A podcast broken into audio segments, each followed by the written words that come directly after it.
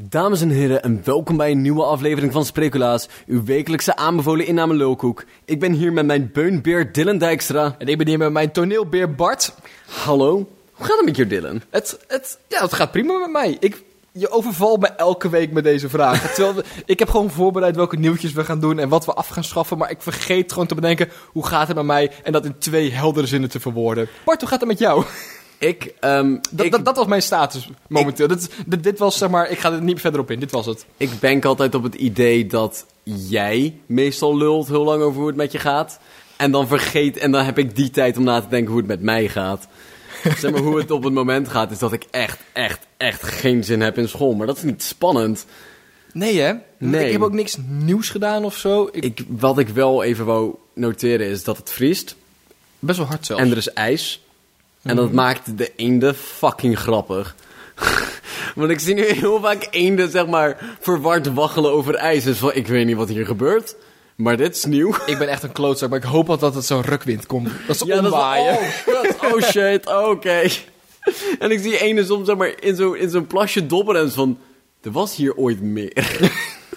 Er was hier meer, meer. Waar is de meer naartoe? Waar is die meer? Want ik fiets natuurlijk helemaal langs de Dommel naar school toe. En de Doel is een rivier of De Dommel is een rivier. De Dommel is een en die is bijna volledig bevroren op het moment. En alle dieren hebben echt van, huh? En je ziet ook iedereen die er langs fietst. Die zie je kijken van, kan ik daarop lopen?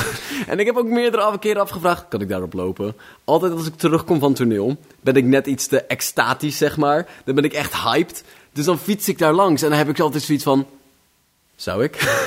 Zou ik proberen of ik er nu op kon staan? En ik zag een andere man, die fietste er ook langs. En die begon steeds langzamer te fietsen. En die was zo intens naar het ijs aan te staan. Ik van, wij kunnen nu een coalitie beginnen. Dat weet je. Wij, kunnen gezamenlijk... wij kunnen gezamenlijk proberen op dit ijs te staan. Ik heb het niet gedaan. Er was bij mij op school zo'n intense schaatshype. En ik ben, dat vertelde een klasgenoot van mij, blijkbaar niet een echte Nederlander. Want ik heb zoveel dingen waarin ik, zeg maar, zo uitblijk niet een echte... Ik vind schaatsen bijvoorbeeld niet tof. Aan de andere kant, ik denk dat zeg maar, het meest Nederlandse is geen kut geven om Nederlandse cultuur. Dat is het meest Nederlandse wat er is. Gewoon zeg maar complete zeg maar, apathie tegen onze eigen cultuur. Dat is het meest Nederlandse wat er is. Ja, Dus ik, ik saluteer jou als de meest Nederlandse persoon op aarde. prima. Bart, ik heb een nieuwtje voor je uitgezocht. Vertel hem het eens. Ehm, we gaan weer speculeren. Ik geef Bart de krantenkop en ik ga aan Bart vragen wat hij denkt dat er in de rest van het artikel staat. De krantenkop van deze week voor Bart is... Lewin adopteert Springbok nadat haar welpen zijn doodgebeten. Oké. Ik weet waar dit echt- over gaat. Ik weet dat dit gaat... Maakt het altijd zoveel minder leuk. Ja, weet ik. Maar ik ga even eerst uit. Ik weet waar dit echt over gaat. Het gaat over het feit dat als een, een mamadier haar babydiertjes kwijtraakt, dat ze dan zeg maar een, een, een vervangingsdier geven, zeg maar. Dat kan alles zijn. Maar de eerste keer dat ik dit las, dacht ik gelijk dat Lewin adopteert Springblokje nadat het Springbokje de welpen heeft doodgebeten. Het is survival of the fittest. Is- Lewin accepteert alleen de sterkste, string, eh, de sterkste dieren en die neemt zonder haar vleugel. Het zou twee dingen kunnen zijn. Het kan of zijn, dat is een extra die zeg maar de, de, de, de, eh, eieren legt in het nest van andere vogels. die zeg maar die andere eruit gooit. Of het is van hou je vijanden dicht bij je. ik dacht eigenlijk zeg maar van, Ook gaat dat de springbok in deze de agressieve diersoort is. ja, zeg maar, nee, maar de Springbok heeft zichzelf bewijzen als de echte opvolger van de leeuwin, zeg maar. Ja, de echte erfgenaam. De Als het niet, echte- niet altijd de oudste krijgt het landgoed. Soms is de oudste incapabel. En En, dan, soms, is de oudste, soms is de oudste een Springbok. de oudste leeuwwelp is een springbok. Ik vind het ook gewoon leuk dat wat jij zegt, is dat er een mama Springbok was. Die die andere welpjes heeft doodgebeten en ondertussen daar ter plekke een baby Springbok eruit heeft gepoept en naar de leeuwin heeft geduwd. Ik verbaas me altijd zo over de snelheid waarmee de meeste hoefdieren kunnen werpen. Ja, werpen? Werpen. Het is toch geen... wat? Zo heet dat. Als een dier, eh, zeg maar... Baby's poept. Ik wilde gaan zeggen, de, de vruchten van het leven de wereld in helpt. Maar Het allereerste ik wat was mijn... poëtisch nadenken, maar je hebt het verneukt. Het allereerste wat mijn brein autocorrecte was eh, baby's leggen.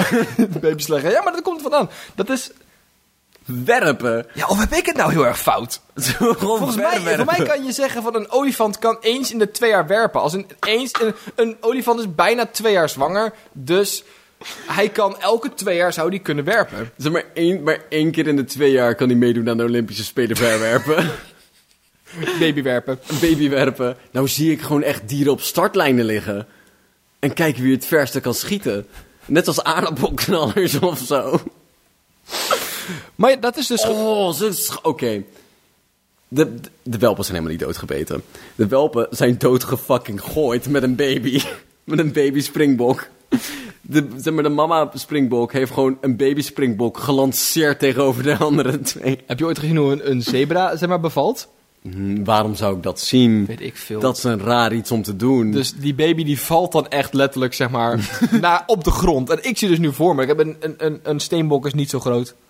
Maar ik weet niet, ik zag heel even in mijn brein, kwam een plaatje tot stand, dat er zeg maar, een beest op die welpen viel en ze doodmaakte. Nou, ik zie gewoon een scherpschutter steenbok die van een afstandje er baby's er naartoe knalt. maar dat is het dus. Eh, of survival of the fittest. Zeg maar, Of het extra verhaal. of het extra. Is, is de extra theo- Ik weet ook niet eens zeker of het extra is eigenlijk. Het doet er eigenlijk niet heel erg toe. Het- we zijn nog nooit biologisch correct geweest op deze podcast. Ik vind het zo gaaf hoe we over alles een mening hebben. En, maar dat we over biologie altijd het ergste twijfelen. Ja, maar dat komt omdat er veel biologie is. Ja, dat is waar. Beekse Bergen zoekt ruzie. Zoekt ruzie.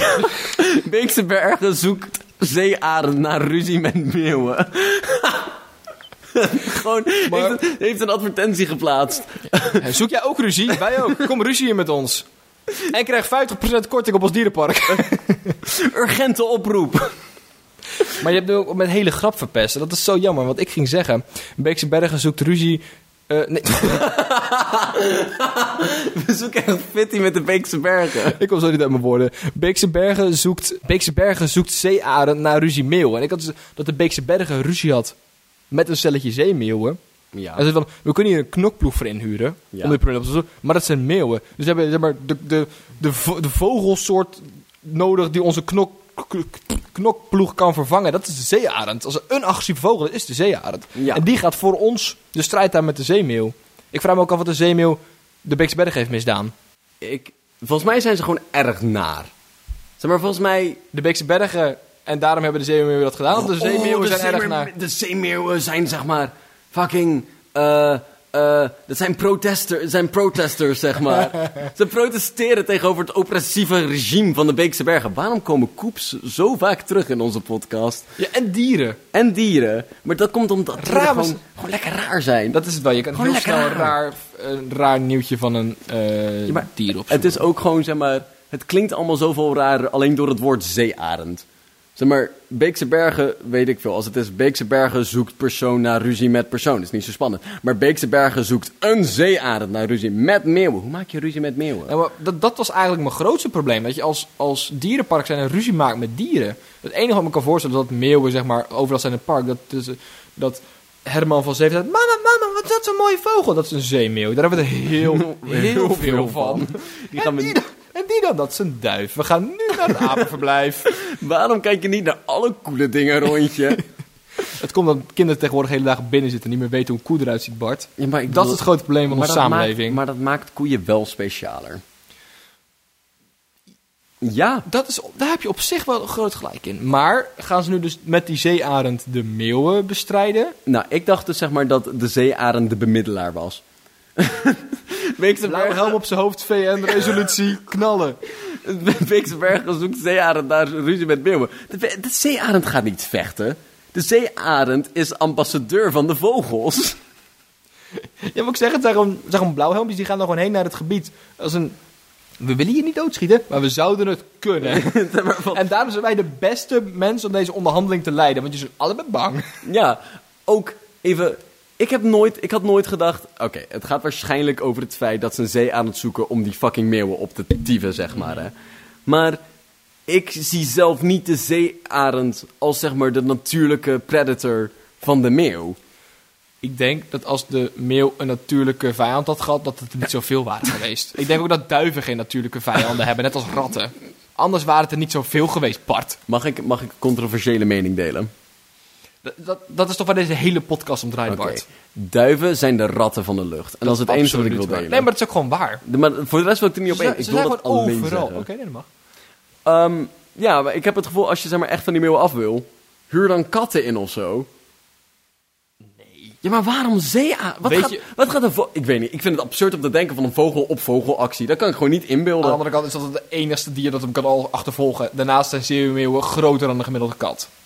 Ja, oké, maar ik, het gaat niet hier om de grootte. Het gaat om het feit dat ik mijn kat een vogel heb zien eten. En dat ik nog nooit een andere vogel Ja. een vogel heb zien eten. En merel. Heb je nog nooit een vogel een andere vogel zien eten? Is dat raar? Ik weet niet. Ik heb Maar ik sowieso bedoel, zeg maar, niet uilen- heel veel roofdieren andere dieren zien eten. Want roofdieren zijn best wel schuchtere dieren en zijn er sowieso niet zoveel in Nederland. Nee, ik bedoel, ik bedoel, ik weet van, ik weet van, zeg maar, vogel op landdier, zeg maar, conflict.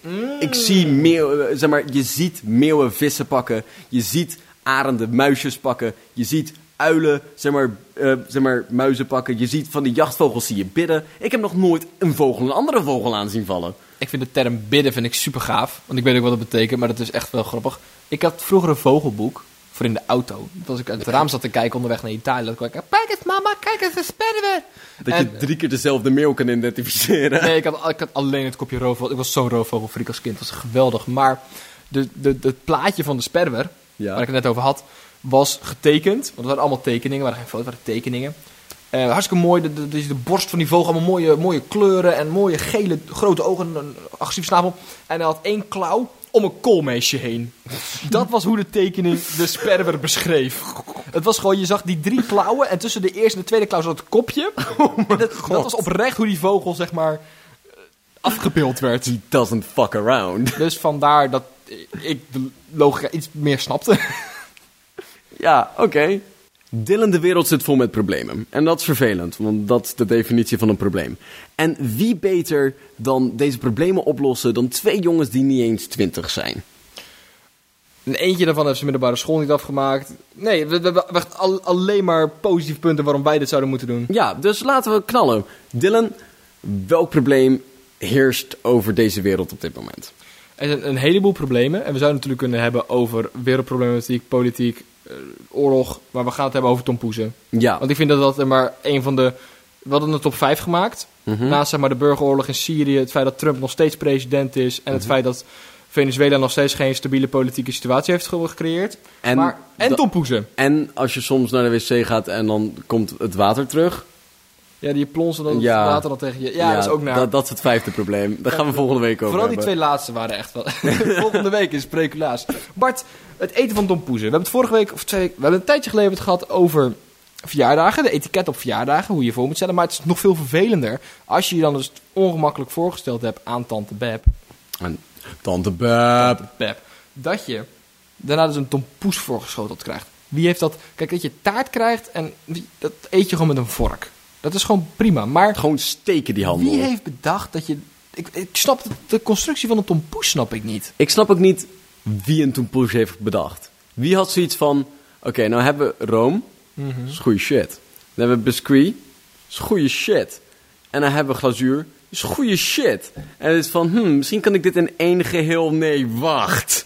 Wat nou als we het tussen twee onpraktische stukjes doen... en dan gewoon een fokton van plakspul erop donderen... zodat je het ook niet kan vastpakken?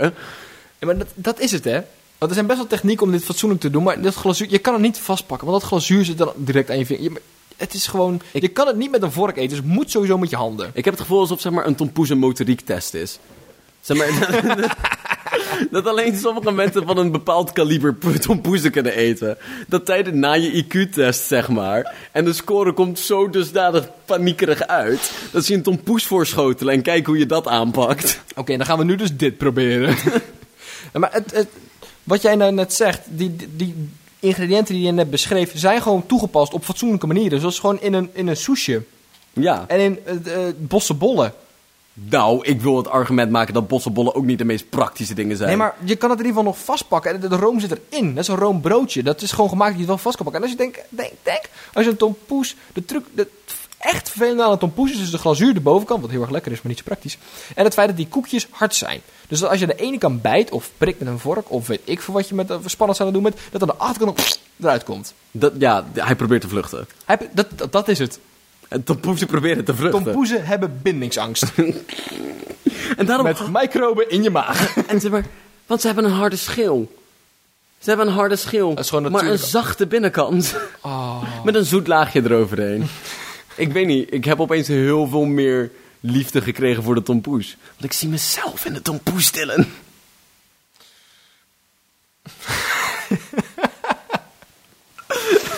Dit is zo niet praktisch. Nee. Dus weet je, weet je hoe we de Oh. wereld gaan redden van tompoezen, Dylan? Nee. Tompoes wat extra tijd geven. Goed communiceren. Praten over je gevoelens. En langzaam, maar zeker communiceren over wat er is, waarom ze bang zijn. En dan van ze houden. Ik weet echt niet wat ik hier nou moet doen. ik, heb echt, ik weet niet wat, wat je nou precies van mij wil. Ik, moet ik je nou een schouderkopje geven? Moet, ik ga nu gewoon een slok thee nemen om te kennen dat er iets aan de hand is. Dylan, hebben we de wereld gered van tompoezen? Nee, je moet even wachten, want er is daadwerkelijk onderzoek gedaan op dit onderwerp. Oké. En ik heb alleen de Margriet-website kunnen vinden. Dat is misschien niet de meest wetenschappelijk onderbouwde platform. Maar er zijn daadwerkelijk wel een aantal technieken om de tompoes te eten. Zonder er een echte... Want het probleem is dat je dus de tompoes vastpakt of neerlegt met een vorkje. Dat, wat we net zeiden, de, de room aan de achterkant eruit komt. Oké. Dit kan je op een aantal manieren voorkomen. Eten de verschillende onderdelen apart. Vergeet niet... Dat, Nee. Nee, nee, dat, dat Daar is... ben ik het gewoon direct al niet mee Ja, dat je de bovenkant eraf haalt en dat je dan eerst het room opeet. Ten eerste, ik vind het disrespectvol voor de tompoes. Als je hem, als je hem moet veranderen om van we te gaan, kunnen niet, we gaan hier nu mee stoppen. We gaan... Bart, hij heeft geen persoonlijkheid. Ah, Maar als, ik vind, ik vind als, je, als, er, als je gebak moet, volledig moet veranderen om op te kunnen eten, is gewoon een kut ontworpen gebak en dan moeten we het wegflikkeren. Ja, maar daar waren we het al over eens. Want we gingen de wereld ervan redden. Nee, ik vind tompoes lekker. Ja, maar wat, wat, wat, wat wil je nou? Ga naar stap 2. Wil je nou... Haal de bovenkant van de tompoes af en smeer de room aan gelijke hoeveelheden aan de boven- en onderkant. Zodat je zeg maar twee maar, toastjes krijgt met room. Oké. Dat vind ik een acceptabel iets, maar dan kan je daar net zo goed toastjes met room serveren. Ja, maar dan kan je net zo goed met z'n allen in de keuken gaan staan en dan tompoes opnieuw maken. Waarom koop ik dan tompoezen? Ja, ja, absoluut. Ehm, leg de tompoes op de zijkant. Wat? Voordat je hem gaat... Voordat je hem gaat eten, zo blijft De pudding beter op zijn plaats. Wat? Nee. Oh, ja, nee, dat je dus de, in de lengte, of de lengte richting, in de, in de hoogte richting, zeg maar, de, de, de koek eraf haalt. Dat je geen kracht zet op de room, maar dat je wel een beetje room meepakt. Ja, fuck dat. Ja, want je dan ook je hele bordje onder, een bordje aflikken, dat is ook niet helemaal netjes. Dylan, deze zien er allemaal een beetje ruk uit. Ja, ja misschien, was Ik- het, niet- was, misschien was het niet het officiële onderzoek van het CBR. Oké, ik heb een veel beter punt. En ik zie stiekem dat dat ook eigenlijk punt 6 is, maar daar gaat het niet om. Maak tompoezen hapgrootte. Die zijn er. Ja, maar dat is zoveel beter. Alleen dan net iets groter dan die kleine kuttompoesjes. Net iets groter dat het nog wel een uitdaging is. Tom, Tom Koetjes? Tomkoetjes. net iets groter dat ze wel een uitdaging zijn. En dan hap. Gewoon in één keer. Nee, nee, nee, ik ben het absoluut hier niet mee eens. Je moet of een fatsoenlijk grote tompoes hebben, dat je er daadwerkelijk iets aan hebt, dat je dus gewoon een fatsoenlijke, een, een fatsoenlijk tussendoortje hebt. Of je moet zeggen, hapklare brokken in één keer doorslikken. Nou, Halverwege dan heb je, dan heb je dus en zeg maar, een halve tompoes, in ieder geval, ik heb er nog wel een. Of, eh, dus dat heb je en je kan nog steeds niet praktisch eten. hou van je tompoezen, dames en heren. Hou van je tompoes. Dat is hetgene wat telt. Dylan, we hebben soms wel eens commentaar op deze maatschappij, op Ja. deze wereld en op al de onpraktigheden, eh onpraktischheden van tompoezen en Beekse bergen en zo. Maar we moeten onthouden dat er ook heel veel prachtige dingen in deze wereld zijn. Dus daarom, om wat licht te werpen op de lichtpuntjes in ons leven, gaan wij een favoriet iets uit de categorie kiezen. En vandaag is een beetje speciaal, want we gaan dit combineren met ons gloednieuwe onderwerp. Dat hebben we vorige keer maar één keer gedaan. Informeren. En dan vertellen we wat oprechte informatie over ehm, oprechte dingen. Dit keer iets minder oprechte dingen. Want Dylan, we gaan het hebben over mythische wezens. Ik, wil graag jouw favoriete mythische wezen hebben. En ondertussen ga ik interessante dingen vertellen over mythische wezens. Wat ik super grappig vind, is dat je net zei, er zijn ook mooie dingen in deze wereld. En toen ging het over mythische wezens. Ik denk van, dus alle mooie dingen die we, eh, hebben we zelf bedacht. Blijkbaar was hij niet zo mooi, anders hadden we geen mythes hoeven bedenken. Ik vind Bigfoot prachtig. Ik heb nog nooit een scherpe foto gezien, dus ik kan niet helemaal oordelen. Big boy boy. maar Dylan, wat is je favoriete mythische wezen? Zijn er, eh, mm, dat is lastig. Ik vind, ik vind de, de, de klassie, ik, ik vind een centaur vind ik heel erg gaaf. Ja. Die vind ik heel erg gaaf. En ik heb, ik heb een natuurlijk zwak voor draken. Oké, ja, ja. en ik vind, draken. mijn, mijn favoriete variant draak is... ehm, ja, ik, we hebben niet echt een standaard draak, maar in ieder geval gewoon de, de, de grote geschubde draak met vier poten en dan twee eh, vleugels. En niet twee achterpoten en, als, en zijn voorpotenvleugels. Ehm, dat is een wyvern. Dat is gewoon niet wat ik weet. Dat zijn de draken uit Skyrim. Skyrim heeft wyverns. En dat zijn vier poten en twee vleugels. Dat zijn mijn favoriete draken. Super goede draken. Dat zijn best wel leuke draken en vuurspuwen en zo. Dat vind ik super leuk.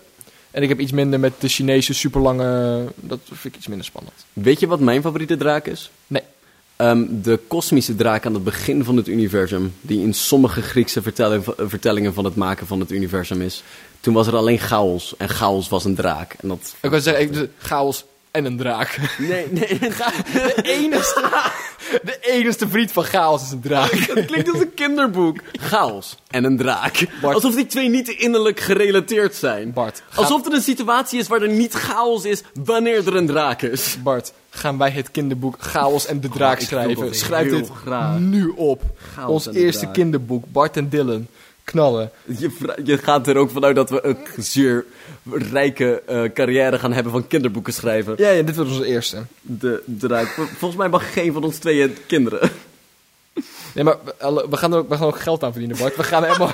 dit doen we niet voor die kinderen. Dit doen we absoluut voor ons. Dit doen we alleen omdat het ontzettend lucratief is. Ja, precies.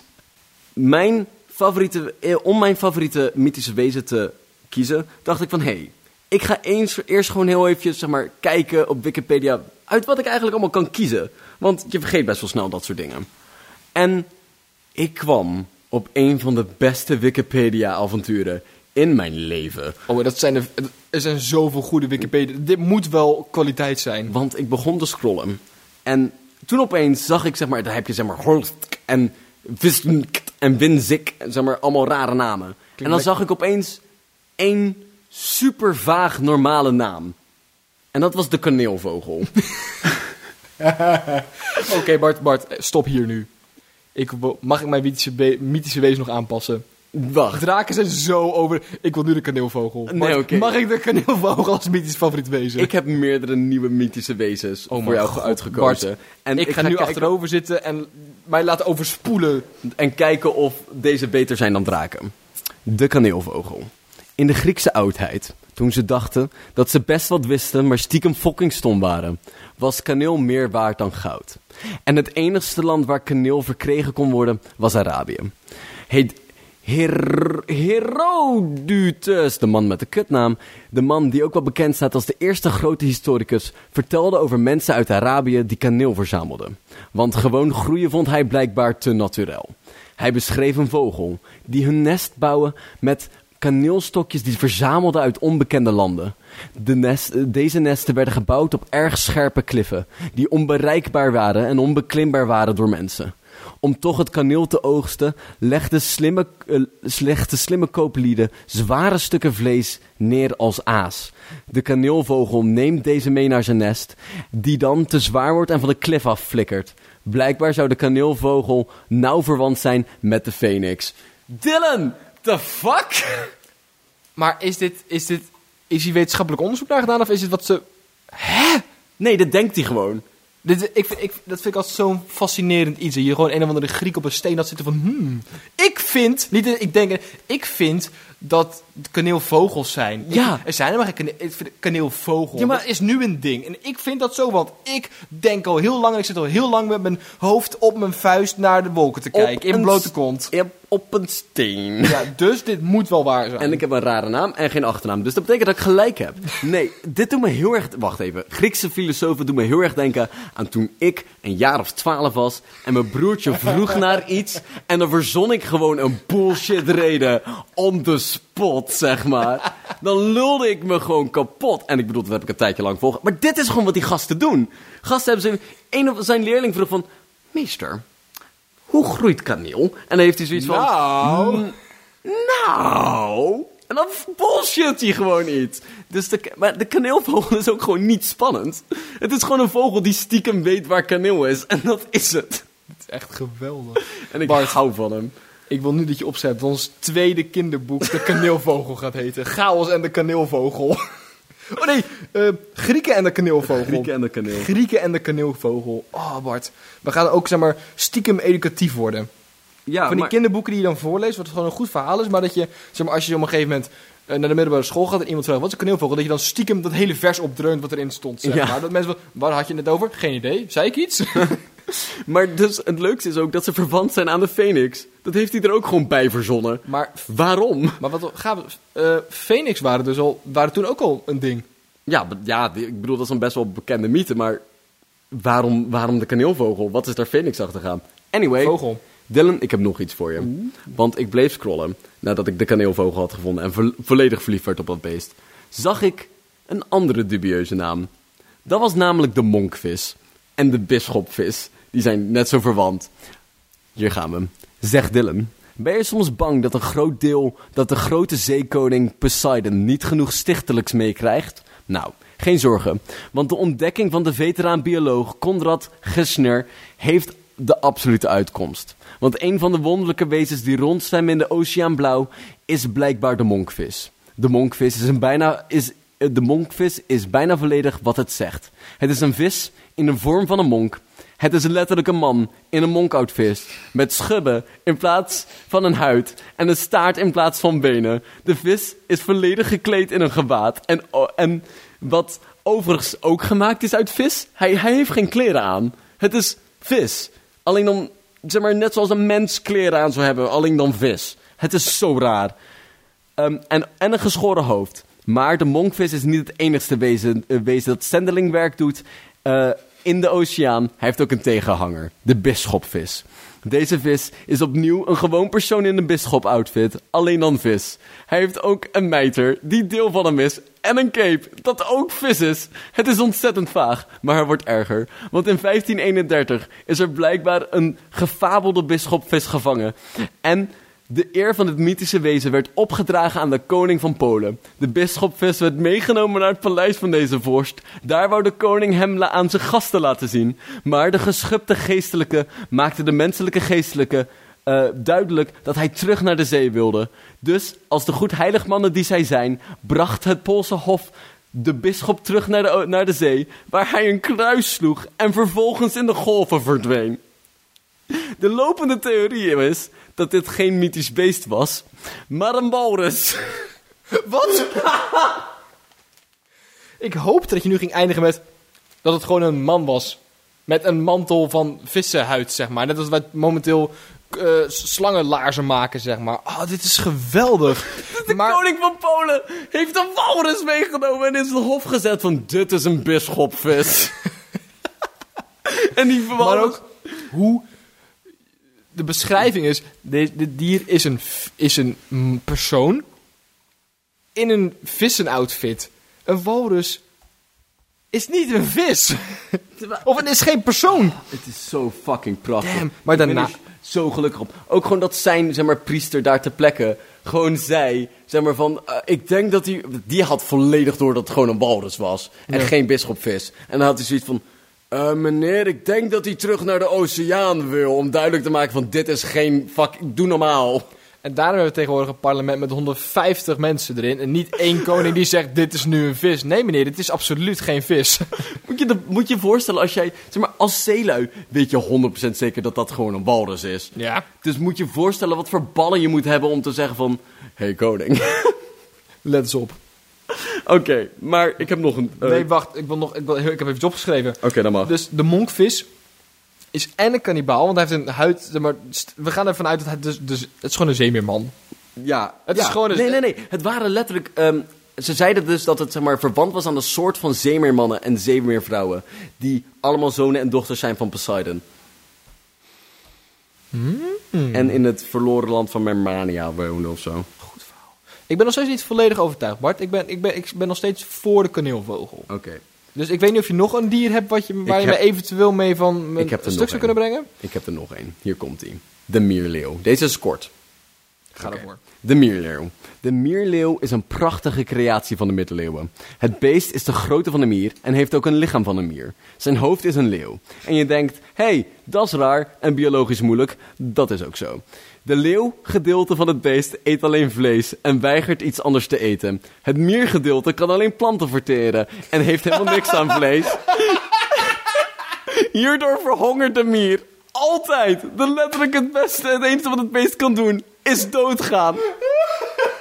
er is niks wat hij kan eten, hij gaat gewoon dood. Ik hou zo ontzettend veel van de mierleeuw.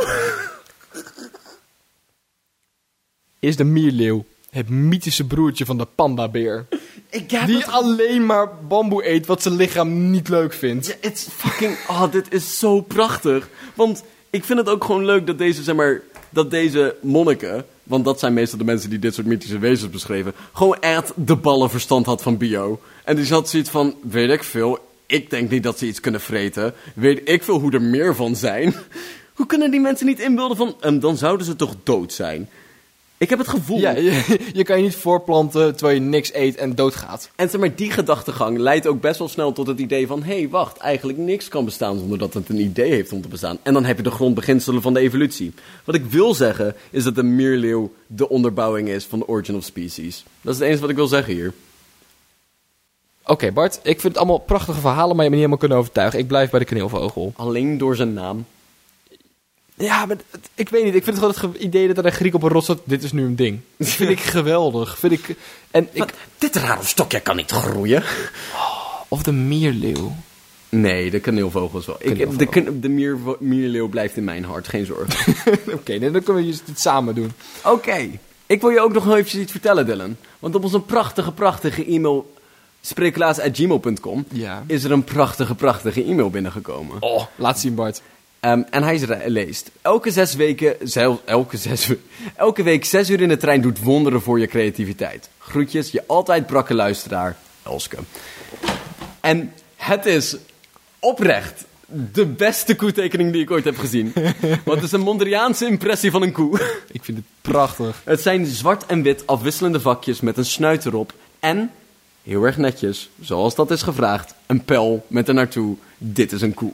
Dit is- ik, ben, ik ben hier zo... Maar ik weet niet, hoe langer ik er naar kijk, hoe geweldiger dit wordt, zeg maar. Het, is ook gewoon een goede Mondriaan ook, stiekem. Ja, maar dat is ook leuk. En daaromheen zijn groene vlakken, wat de wij zeg maar, Symboliseert. symboliseert van Ja. de, waar de koe in staat. En, en zeg maar, de vrijheid tegenover het vlakkige, zeg maar, het restrictieve van de koe. Ja, prachtig. Genieten. Prachtig. Ik, ik, deze komt op onze Wall of Fame. Ja, zeg maar, we zeiden dat als je een koetekening hebt, dat je vraag sowieso ehm, werd behandeld. Maar je hebt geen vraag. Maar je wordt wel behandeld. Het is zeker behandeld. Noem je, voel je bij deze be- behandeld. Ook heb je een vraag, een tekening van een koe of een opmerking, dat kan je altijd sturen naar onze e-mail spreeklaas.gmail.com. Voor de rest, als je meer contact wil maken, dat kan. We hebben nu op, eh, op onze website staan nu de comments aan. Dus als je wil, kan je reageren op elke aflevering met interessante feitjes. Hoe kut we zijn, wat we fout zeiden, wat jouw favoriete tijd is om op te staan. En ook Dylan, het is tijd voor de zes woorden. knallen. Ik heb er helemaal zin in, Bart. Wil jij eerst met jouw zes woorden of zal ik eerst met mijn zes woorden? Ik ga wel eerst met mijn zes Ik ben woorden. helemaal benieuwd. Blaas me weg. Is mijn Tom Poes een loverboy? Ik wil het gaan voor dit en refereert aan echt onze allereerste aflevering. Bart is aflevering 18 alweer. En eh, je, je was zo hitsig aan het praten over je Tom Poes, Bart. Ik was zo van me apropos. Dit is onvoorstelbaar. maar hij is altijd zo koud. Dus ik weet niet, en hij is altijd zo Hij heeft hard. warmte nodig. Dus ik weet niet of hij een loverboy is. Maar vertel jou zes Oh mijn god, even dus nu over de tekening van de koe nadenken. Eh, We hebben vorige week, dat was niet op de spreeklaas ehm, mail, maar op eh, eh, gewoon een, een WhatsAppje foto van een, een vriendin van ons. Kregen wij een, een tekening van een koe op iemands hand doorgestuurd. Ja. Van een hele gespierde koe met pijltje. Voor mij stond er een pijltje bij dit is een loveboy, ik weet het niet helemaal zeker. Maar dat is echt een goeie. Dit telt ook. Oh, die moet, oh ja, die gaan we ook eh, zoeken, terugzoeken. Ja, geweldig. Eh, de foto staat ook in de show notes, als het goed is. Ik weet niet waarom ik dat zeg, dat weet ik nog niet zeker. Sorry. Knallen. Doorbraak. Mierenleeuw eet alleen tompoezen. Dat is ook gewoon kut. Want dat bestond nog helemaal niet toen. Dit lost het probleem niet op. Nee, zeg maar, zeg maar, als ze nu zouden leven, zouden ze door tompoezen kunnen leven.